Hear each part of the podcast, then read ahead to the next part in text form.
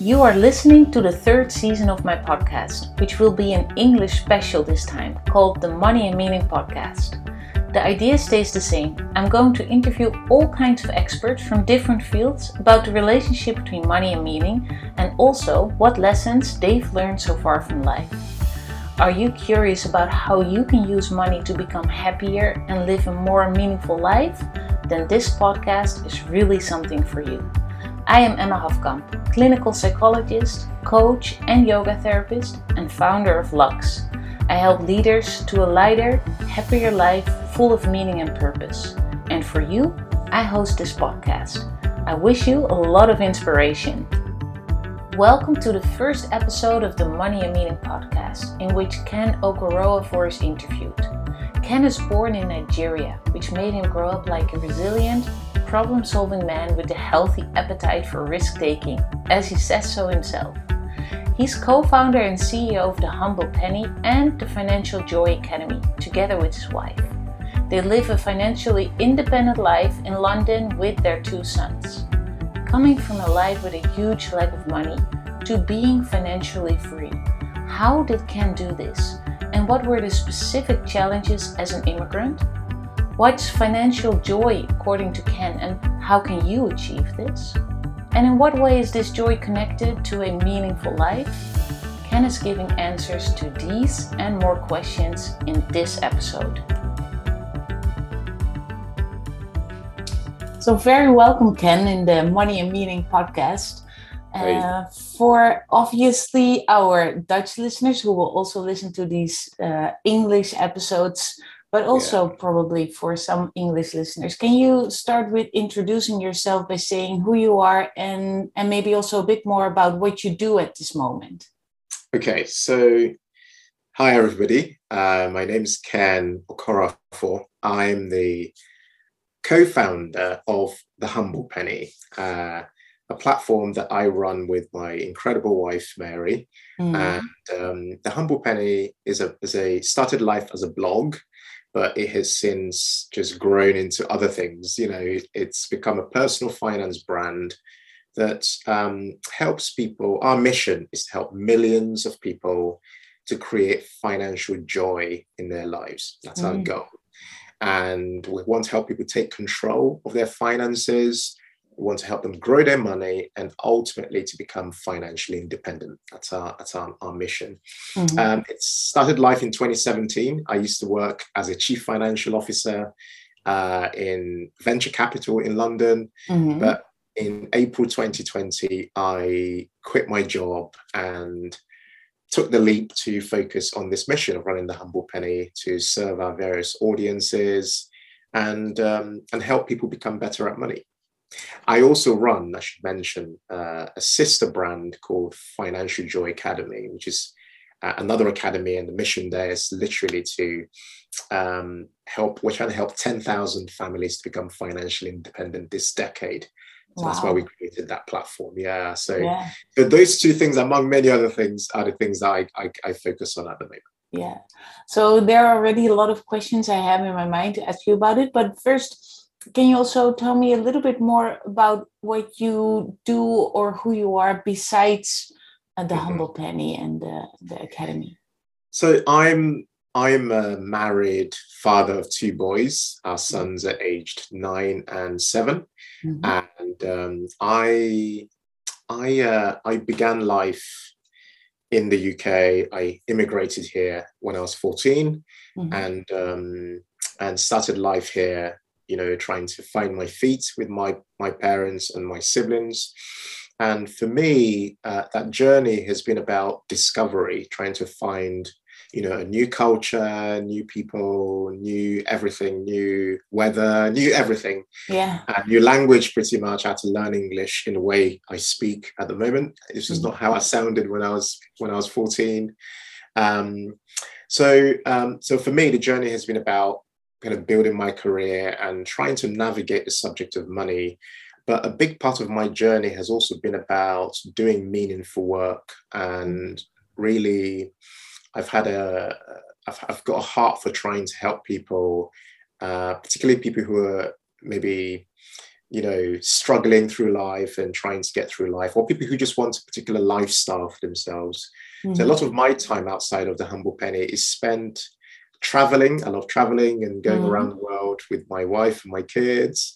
Uh, I enjoy sports. I um, I like watching a nice show on TV, uh, maybe on you know Netflix or something like that, and really just having time outdoors. You know, being outdoors, trying to do some fun things. I'm really trying to live out the life that I feel I've always wanted to create for myself, which is a life of more flexibility, mm-hmm. more fun, more love, more family, you know, those kind of things. So those are the things that occupy my time. And learning. I spend a lot of time reading and learning. Right. Yeah. And learning new things. Yeah. yeah. So and I guess especially the flexibility came in early when you um, uh, came as an immigrant in London. Mm-hmm. Can you can you um, tell us a little bit more about how that time was for you? Because you you already said like everything was new, but yeah, yeah. how do you cope with that? Oh, it was extremely difficult for me because um, it was in the year was 1998. Mm-hmm. That's when I moved here, and it was in the summer in uh, in June in London and I'd never been on an aeroplane before, so mm. this is my first time and you know come into the country. But the difficulty was when we moved here. Um, we moved here with limited uh, paperwork. It's probably mm-hmm. a better way to put it.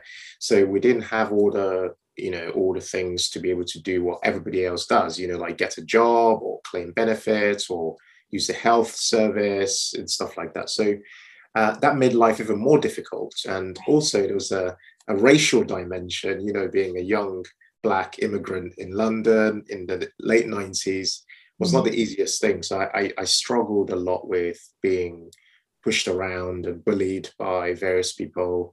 Um, and also trying to adapt, you know. So for me, a lot of my life back then was about trying to fit in, you know, trying right. to figure out how does this culture of this country work how how does everything work and how do i fit in and not just survive but one day thrive. So I wanted to mm. initially survive. How do we actually survive in this place and one day thrive? So if I look at my life over the last 20 years, for example, I'd say that the first 10 years of my life here was about survival. It was about trying to find my way, doing various manual jobs, cleaning and various things to make some extra money and then the next decade is my decade of thriving because that initial 10 years of doing all these various works and educating myself, going into the school system and stuff was a very good foundation for what would come mm. later on, yeah. uh, which was me starting to then uh, take a bit more risk, you know, um, become more enterprising, more entrepreneurial, um, you know, progressing my career and stuff, which is, you know, ended up becoming in finance. Um, and on a personal level, becoming more confident as an individual, learning more about myself, uh, meeting my wife, you know, uh, mm. getting married, and uh, you know, um, and many years later, you know, having children and stuff like that. So this is how I would split the journey. I'd say the first, you know, the first ten years here were were just ridiculously challenging. And the diff- and the thing is as well, when it's when you have situations like that, you don't have many people you can talk to about it because you feel a lot of shame and mm. a lot of loneliness because mm-hmm. you know not many people understand your your your challenges and the dimensions that no. you're what you're navigating. Um, but I'm quite happy to be here today, you know, many later to be able to talk about it. So, so what helped you then in those moments where you felt lonely or, or that, that you felt that it, it's just a harsh world around me? Things that helped were some friendships. So mm. I, I, formed um, one or two friendships that were very helpful. Um, and interestingly, they were in a quite similar position to me. They didn't have, right.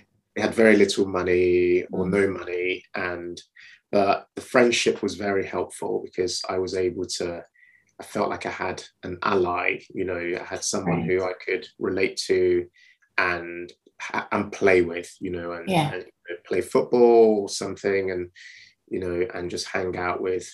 The other thing that really helped me was my family. So, mm-hmm. because we were all in the same situation, having family members who uh, are united together, and when there's unity in a family, that unity um, really takes everybody along, takes everybody forward, you know.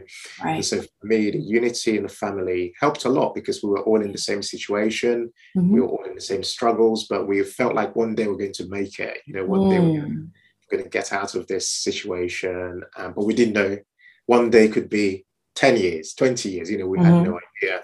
Yeah. So uh, having uh, a united family was very important. And the third uh, third thing I'd say is my faith. You know, I I'm I I I have a Christian faith. You know, mm-hmm. I know not many people have faiths. You know, have anything they believe in these days, and you know, and that's fine. But for me, it's always helped me to believe that there was something much bigger than just what I can see around me. Um, I'm almost a much more spiritual dimension to life uh, so for me, I always felt that um, having faith in my life, believing that the, that the future will be much brighter, gave me much more belief, self belief, and much more determination that I can find a way out of this situation, and that you know doors, the right doors will open mm. uh, as time passed. Yeah, so that's, that would that would be that's the third thing that really helps me. Yeah. Um, in those situations. Yeah. And and another question that comes up in my mind is you talk about the first years that you really focus on how can I adapt, how can I learn this culture and make sure that I do everything that fits in there and and then at the same time how can you then also keep your own identity or is that something that comes back later yes so that's interesting because um, i was on a search of uh, trying to fit in, as I mentioned before. And a lot of that meant trying to become much more British and understand how British culture worked and mm-hmm. what to say and what not to yeah. say, when to say stuff, and you know, um, and and although that's been great and that was a survival tool for for me, um, what I've then realised much later on was that it was at the detriment of my own my own culture, my own identity in many ways, because um, and this is you know because back then being African was not cool. You know, mm. you know, mm. right now you can you turn on the radio, you can listen to Afrobeat, you can hear Burna Boy, you can hear all these world famous musicians. Mm. Uh, African, you know, Nigerian music. I'm, I'm of Nigerian heritage, uh, the music and all those various other aspects um, of our culture has become global, you know. Uh, but back then, it was not cool at all to be African. You know, if you said you were African, people were saying to you, "Go back to your country," or mm. you know. So it was not cool at all. But I think in the last few years, probably in the last five to ten years, I've been on a search of of of, of almost re-embracing my own identity, my own uh, my own heritage, um, whilst also understanding that I am also I've lived in this country now for 23 years, you know, so you know, so I've now got this dual heritage where, yeah, you know, I'm still I'm in my late 30s now, and a lot of my 14 years of my life was in another continent, in another country, and then now 23 or so years of my life is now in this country. So mm-hmm. it's about finding that balance whilst also being completely true to myself you know really understanding that where i've come from really really matters. The culture that i, I was brought up in really matters. And who i am my values my value system what i think is important um, is very important because it's what determines my character, determines mm-hmm. my reputation, determines you know the level of success I might have one day in the future, and all those very various various things. So to your point, that journey actually came later. You know, you know once I'd got past survival, and I was now focused on how do we now thrive? How do we go beyond mm-hmm. survival? How do we become, you know, how do we achieve some of the things we've always wanted to achieve? Yeah. That search for uh, embracing identity became a much more important topic. yeah yeah. And and most people when they hear survival they they think then oh that's money wise like you can get out of the survival mode when you have enough money. But i hear you also talking about a lot of other aspects that come to that. Mm. uh, but but how was it money wise for you? Was that was that also related? Yeah so we had we had no money at all so um this is a big a big problem because it meant that having no money is a very difficult thing because you know it, it, it means that you might not be able to turn on your gas or your heating you know or you might not be able to eat good quality food. You might have to just buy cheap junk food which again is bad for you you know becomes very un- unhealthy in the long term mm. or it might just mean that you don't have experiences. Like I wasn't able to go on holiday, you know, mm. go abroad, you know, um, for for many, many, many years, you know, um, many, many, many years because there was no money for that, you know. So um, and plus I was still sorting out my residency and you know all those things. So there were many competing um, uh, things that meant that I had to prioritize just getting by. And so for me, this is another reason why this is it's interesting that I run the Humble Penny today because um, and helping other people yeah. win with their money because for me this subject of money was so important because mm-hmm. I'd come from lack, you know, having mm-hmm. no money at all. Um, and I had to figure out over time how do you like the people who are financially secure or financially independent how did they get there? You know mm-hmm. how what you know how how do you get there one day? What do you have to do to get there? So and, and did that, you also then have an image of how life would be or how you would be yes. when you reach that level? Correct. Yeah what, so what, was the dream? So the, the, for me the image was this. I wanted and my wife and i did this together we wanted first of all, we wanted a, a house mm. that has its own door. So by that I mean I could walk to the house, uh, you know, and I w- I didn't need to climb any stairs or take any elevators or lifts. I could just walk to the house and open the door. For this was for me, this was a big dream. I wanted to be able to become a homeowner and own my own home. Um, and but the other thing was I also wanted a family. I wanted to have raised children, but without financial stress, you know, without always struggling or, you know, um, always arguing. I saw my parents argue a lot about money, mm. and I didn't want to repeat that pattern of, you know, lack and difficulty. Uh, the other thing I wanted as a vision was I wanted to be in much more control of my own time. You know, I wanted to be mm. able to do what I wanted, you know, when I wanted, and I also wanted to, um, you know, earn an income from different sources. You know, I didn't want to just rely on just my salary, you know, from my day job. I wanted the, the opportunity to earn an income from maybe some assets and, and stuff like that. So, mm-hmm. but, but overall, what I what I truly wanted was what I refer to as a life of financial joy. A life of financial joy for me is a life of much more intention and flexibility. It's a life where I'm able to, you know, travel a few times a year with my family to explore different cultures. It's a life where I live quite a simple life, you know, but at the same time, I live a much more enjoyable life where I don't feel a lot of pressure to acquire things like mm-hmm. you know, more things, but I feel like I'm living a life where I am able to have a lot of options. You know, I can say, do you know what? we're gonna you know we're gonna go and we're gonna go and live somewhere for three months you know or we're gonna yeah.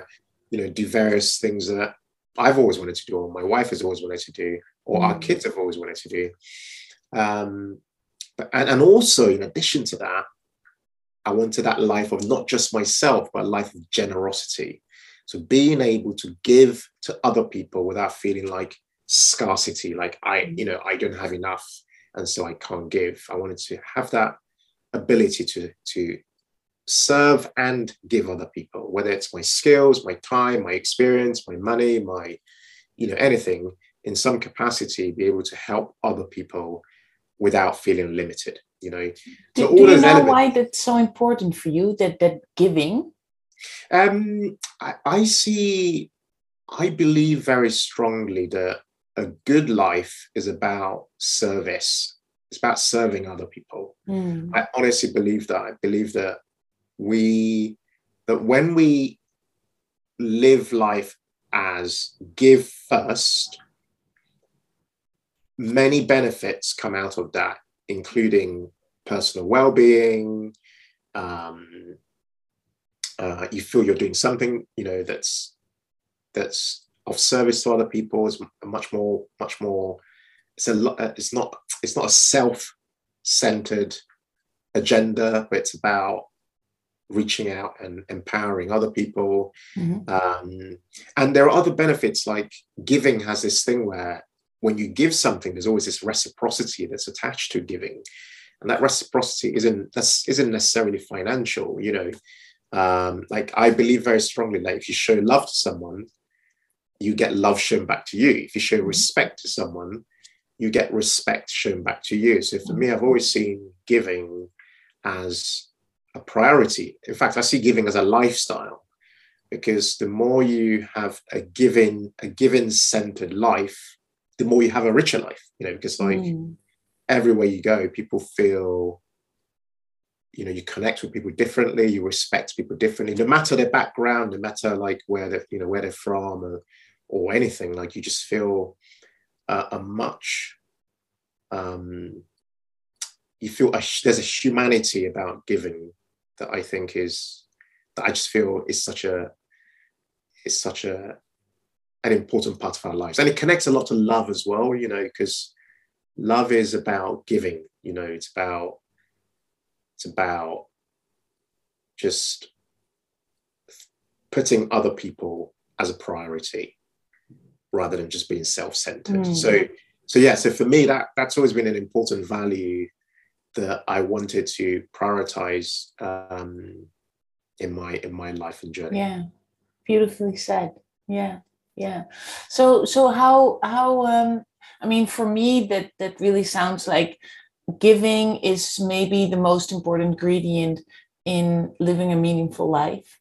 Mm. And um, and that's also where I'm focusing on a lot that how yeah. how can you add value to this world and not just take value and I yes. think there needs to be some kind of a balance else yes. I think it's just not meaningful yeah and I, I can imagine that in order to give um, that maybe people also think like yeah I, I do need to have resources then to give but you mm-hmm. also give beautiful examples of things you can give that yeah. doesn't that are not related to money. Oh yeah. Oh yeah. So many you know because we are as human beings are we're blessed with so many things around us. So i i believe in a principle. The principle is use what you have in your hands.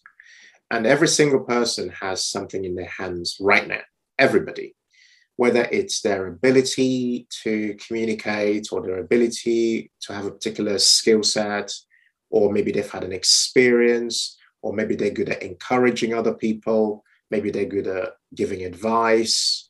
Like there's so many things that we all already already have right now that has nothing to do with money. It's mm-hmm. just um, it's just wisdom, experience, um, skills, time is another one. Like sometimes some people just want to have someone to listen to to listen mm, to them. Mm, yeah. Not necessarily to say anything back, but just just to listen.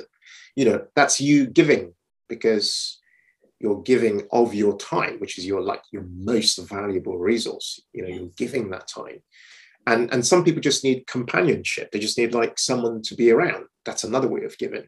So there's so much we can do that's beyond money. Even ideas is another one because ideas mm. are actually good ideas um you know actually can can create can create money can create you know many things. Uh connections our networks is another way of giving you know.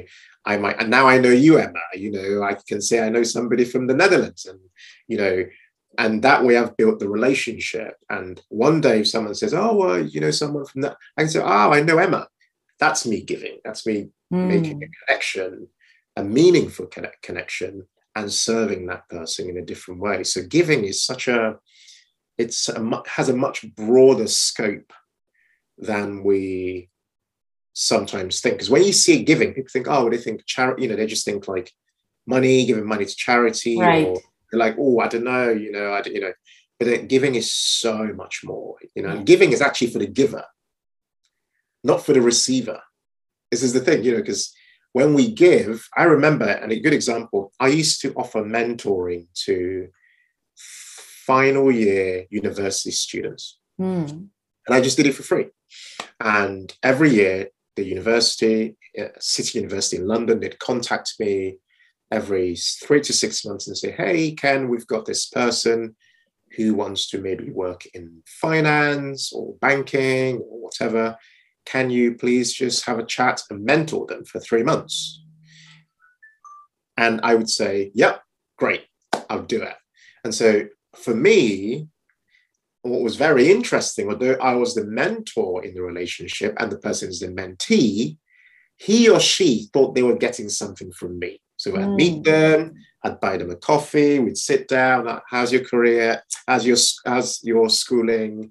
What you know? What are you struggling with? What's your ambition? I ask all these questions, and we have a chat, and they're like making notes.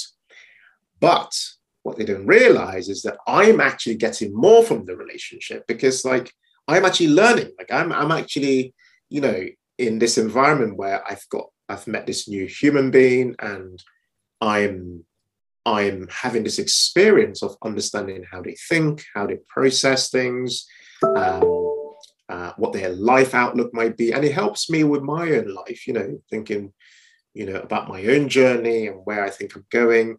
So you see, that that giving in that scenario was actually like both people benefiting at the same Yeah, time. And yeah. for me, when I look back, uh, for me, I feel like he or she was actually sowing into my life, you know, um, whereas like he or she thought I was sowing into their life. So it's, Mm. you know, it's like a, a circular thing. Yeah, yeah, yeah, and, and and that makes me also think about. Sometimes I hear that people are saying, "Oh yeah, but you already have so much money." Not not me, but about another Mhm. person. When is it enough? And then Mm, and then what comes into my mind? Well, you can maybe never have enough because you can. If you have more and more, you can give more and more. But how do you think about that? that's such an interesting question. Um, I see giving when you talk about giving from a money perspective is such Mm. an interesting idea because some people say when I become financially free, I would start to give. Yeah.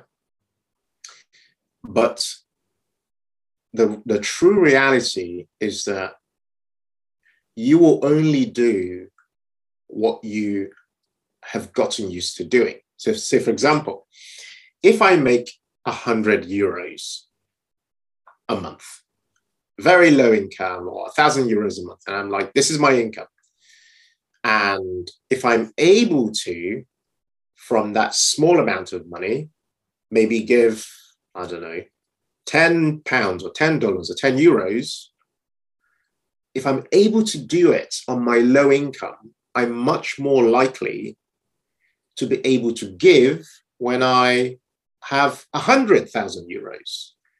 Because the culture, you see, the internal culture of giving is already a part of who I am.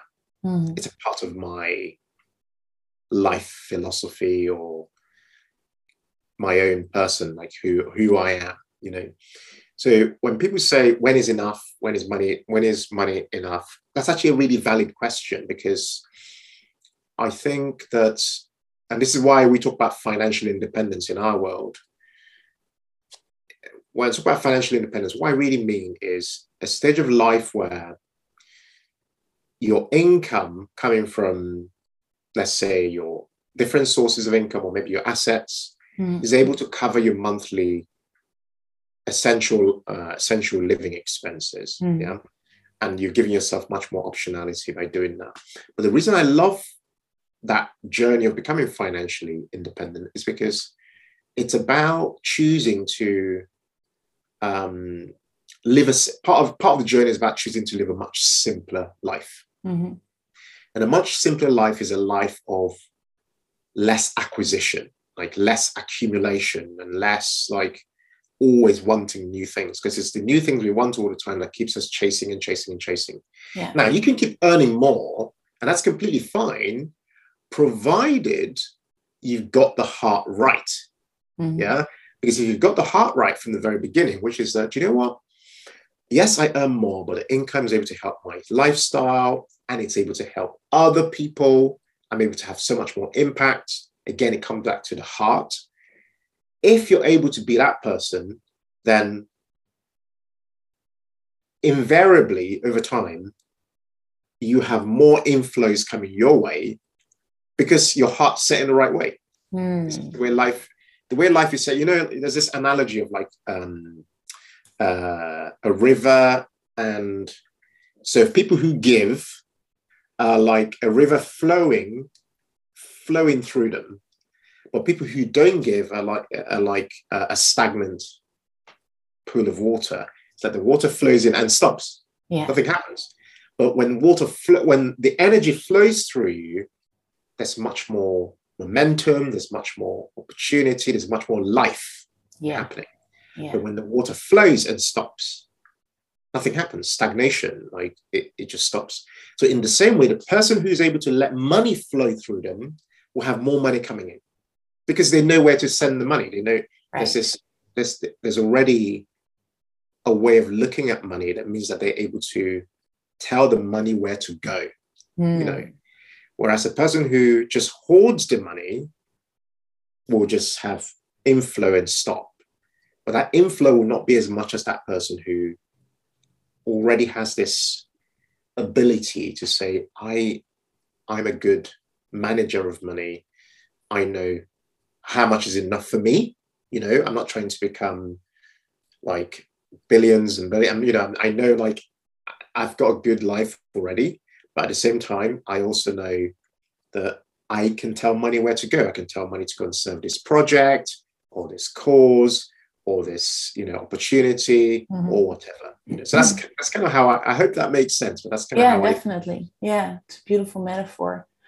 and and and um so you, you told in the beginning that that that you worked from 2017 to 2020 before you um or in a in a company i guess before you Yeah. decided to start the humble penny but how Yeah. how um how did it go why did you make that decision Yeah, so I I- I actually started working in 2006. So my career has been over 14 years. Um, but in 2020, the reason why I made that decision was of the lockdown from COVID. So when we had in March 2020, the lock the COVID situation was Mhm. in the UK and and stuff. And I was I felt like my life was colliding with so many things. So I had my job, which is a, I was working as chief financial officer for a venture capital business, a very demanding, very busy, very, very pressured job. I had my kids who were at home. So my wife and I had to start to homeschool our Mm. children whilst I was working in one room, but we had to homeschool in another room. Then I had the humble penny, which was taking off and, you know, a lot of emails, demand, I had to create content, I had to do many things. Then I had my marriage, you know, I've been married now next month, 11 years. So, Mhm. you know, I have my relationship, think about, then I have myself, you know, my own mental health, my own, you know, all those things. So that period represented a period of uh, huge challenge because, you know, it, it just felt too much. But before that, my wife and I had been working towards becoming financially independent ourselves. We became financially independent in 2017 Mm. and we paid off our mortgage in the house we live in. And so that meant we had much more much more financial freedom much more ability to um, decide what kind of work we wanted to do. So Mhm. one of those big decisions was about my career. You know i'd been working in finance. I'd trained in as a chartered accountant. I'd worked my way up to become cfo all these things. What should i do next? And so for me at that stage of life I decided to that this was a time for me to take a bit of a risk and do something else and maybe go out on my own and see what I've always had this desire to run my own business. Maybe this was the right time. So we had we have we had some savings and stuff. And we said, well, let's give this a go. So I had some conversations with my employer at the time. And um, and I took the leap. It was a scary, scary, scary time, you know, especially given what was going on with the pandemic mm-hmm. and COVID. Um, but it's turned out to be the best thing I've ever done. Really? Yeah. Why? Yeah, yeah, yeah. Because I really enjoy what I do. Mm. I really, really do. And there's a lot of purpose to our work, a lot of purpose. Every day, our job is to serve other people through our content, through courses, through workshops, through like blog posts. And I, I never get to meet all these people from around the country, from around the world. I never ever meet them. Maybe I meet 0.001% of the people. Yeah. um, but that's more than enough because I see, I know we're having huge impacts from all the comments, all the emails, all the mm. DMs, and you know, so we know people's lives have been changed, and we feel called to do what we do. You know, mm. I say we because I do it with my wife. You know, yeah, my wife Mary. So we feel called to do what we do, and and that for me, because I've always felt in my career that I lacked purpose in my work. I always felt like my work was very well paid, you know, six figure income, very well paid, but I lacked purpose. I felt like there was a hole in my being that was lacking. And if I was being true to myself, I needed to do something about it.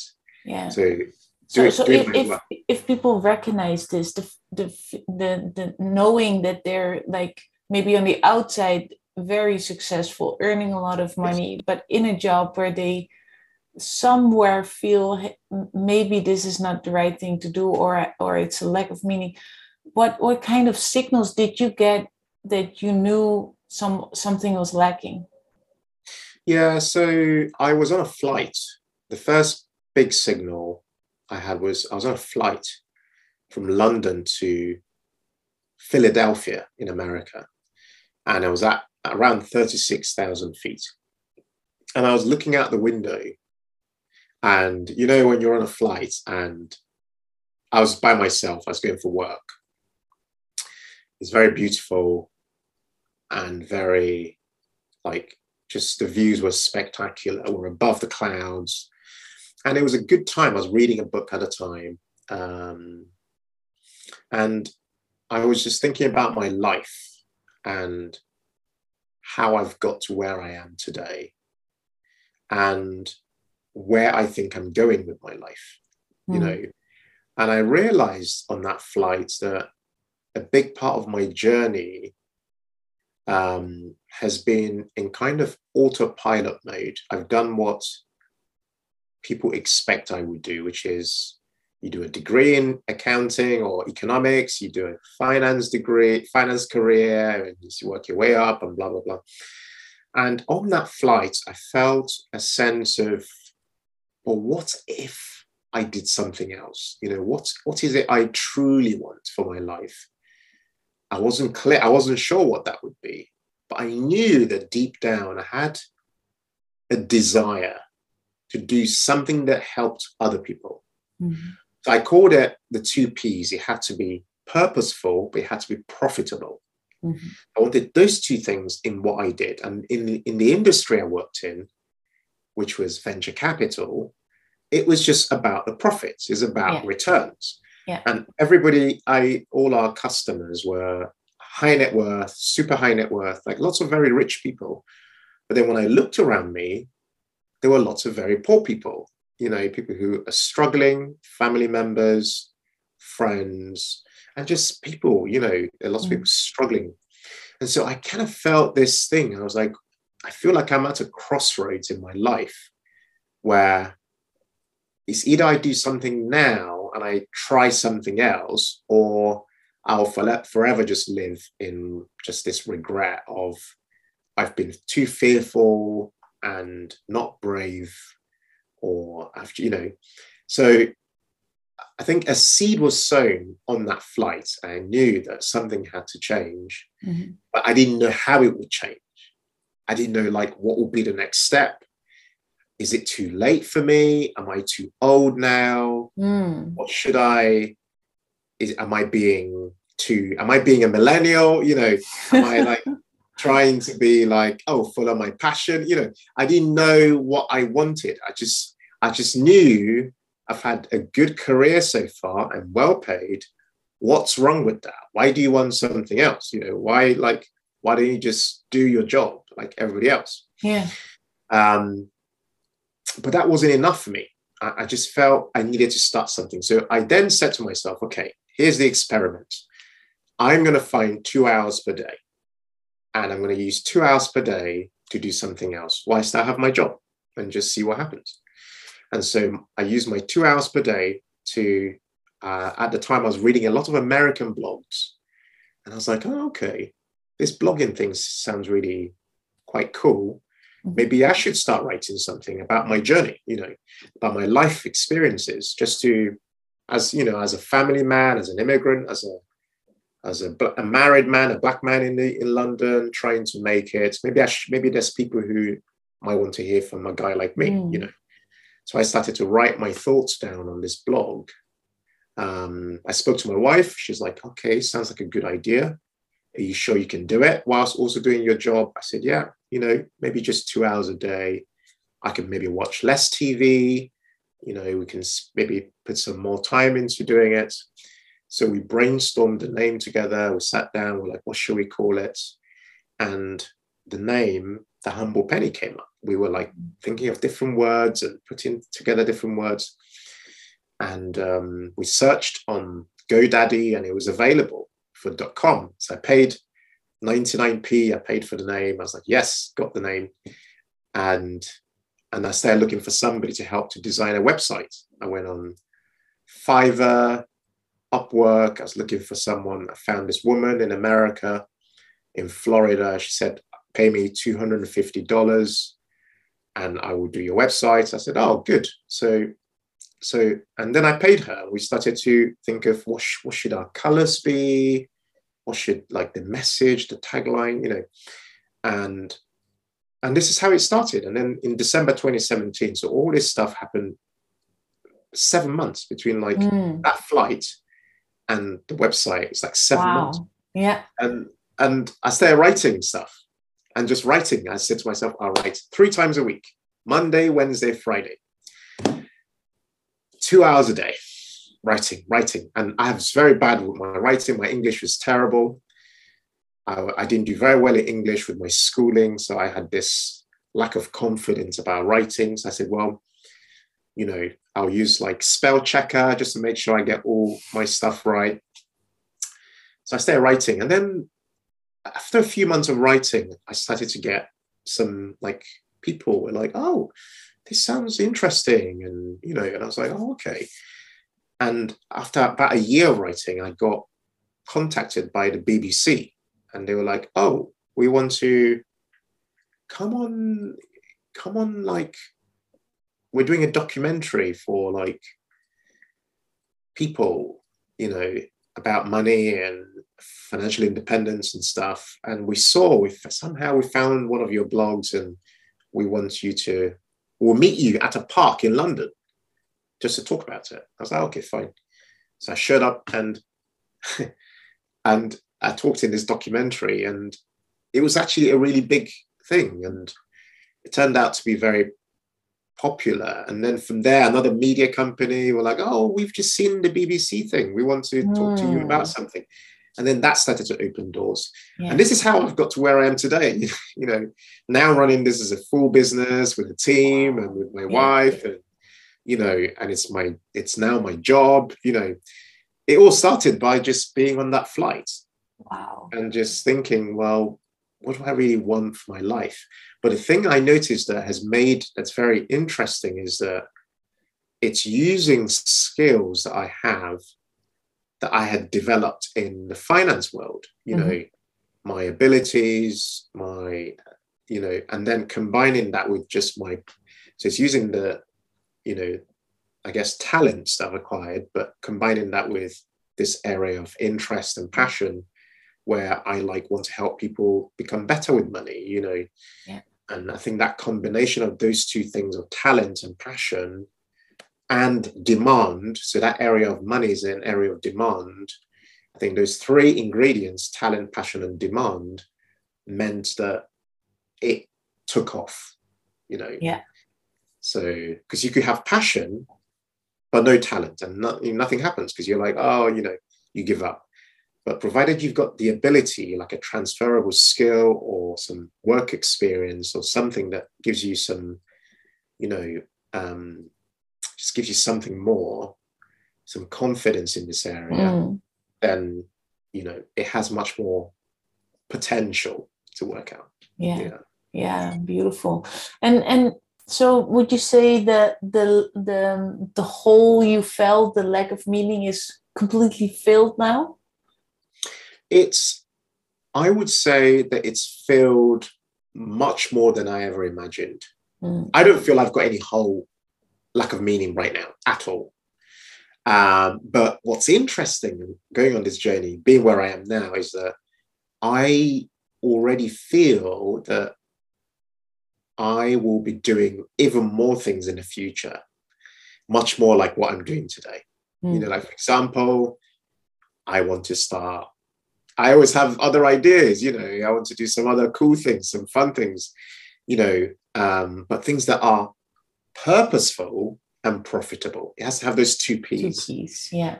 You know, and so I feel like there's a bit more of a formula now. And I've acquired a bit more confidence because I've done something that has worked and I've done it now for five years. So I feel like I've grown a lot as an individual. I've grown a lot as a as a as a leader, or you know, I've just grown so much more in my technical uh, experience, as well as knowledge, as well as practical business experience, as well mm-hmm. as you know, emotional um, emotional experience of mm. the journey of trying to of trying to make a business successful.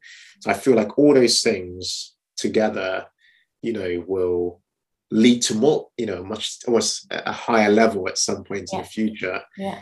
Um, but you know, it remains completely unknown. The, the, main thing is that I'm actually having fun. You know, that's the main thing.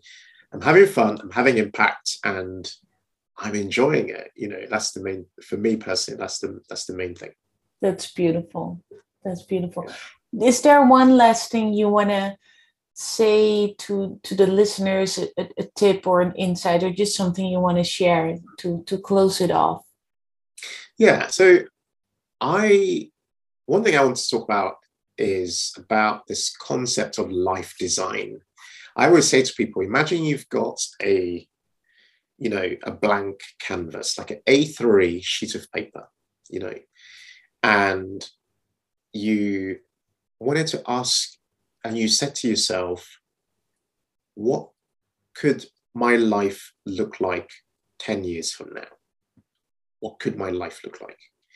And and you forget all your problems right now, you forget all your your boss and every you know like your everything that's happening like the, the world you just forget everything but you just simply write down or draw like a sketch what what element of my life, what would it look like? Like, who are you know, where are you living? How many hours a day are you working? You know, um, what kind of house do you live in? Is it a flat? Is it a two bed? Is it a four bed? Where, you know, what, what, what's the detail? What type of work are you doing? Are you working for somebody else in corporate world? Are you working for yourself? You know, do you have children? You know, do you um, what do you do when you wake up and what do you do all day to when you sleep right these are small questions uh, and what hobbies will you have right these are small questions but they're so important because they help you to just they ignite something in your imagination and and they help you to dream more because i think you know i think we've all a lot of us have stopped dreaming. We've stopped looking forward to things um, in our lives. And I think for me personally, I find dreaming to be so such an important thing because dreams connect very well with vision. It's like what what's your life's vision? Like what do you see in the future? You know, mm. and this exercise makes it very visual because then you could say, do you know what? Can 10 years from now, I want to only work from nine to three o'clock, you know, and I want to work four days a week. And I want to, you know, because then the minute you say the words, the minute you're able to articulate it, you are starting to create it. You know, because a lot of our world, sometimes I walk out onto the street and I look at everything I can see and I say to myself, everything here was created by someone. Yeah. A man or a woman. Someone made a decision that meant that what I'm looking at now got created. But what's the beautiful thing about the future is that the future is an empty land that no one has created on. So for each each person, the future is still yet to be built. You know, like there's nothing, it's completely blank. It's like a blank. It's like imagine being in uh, the Netherlands. I don't know what your main city is. Imagine like the main city with no building. Is that completely empty? That's the future. That's like London with nothing, you know. So we now can decide what gets built in that future. And and for me, that keeps me very excited because, you know, that can influence every aspect of our lives, our relationships, our health, our careers, our businesses, our just any anything you want to do can be done if you choose to do it you know yeah. so for me that helps me a lot because then even on days when i feel down or i feel like you know ah oh, you know today's been difficult.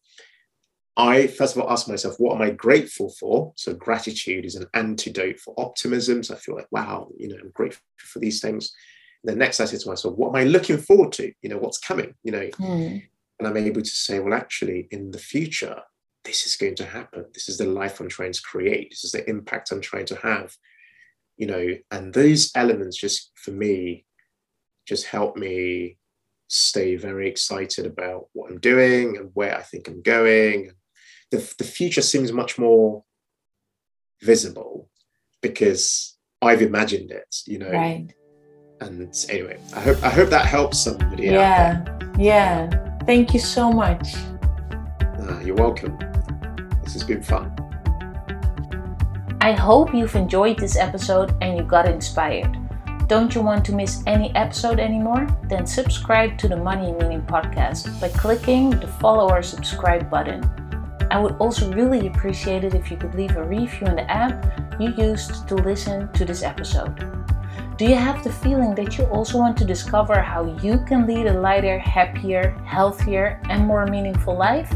Check out my offer on my website. You find the link in the show notes.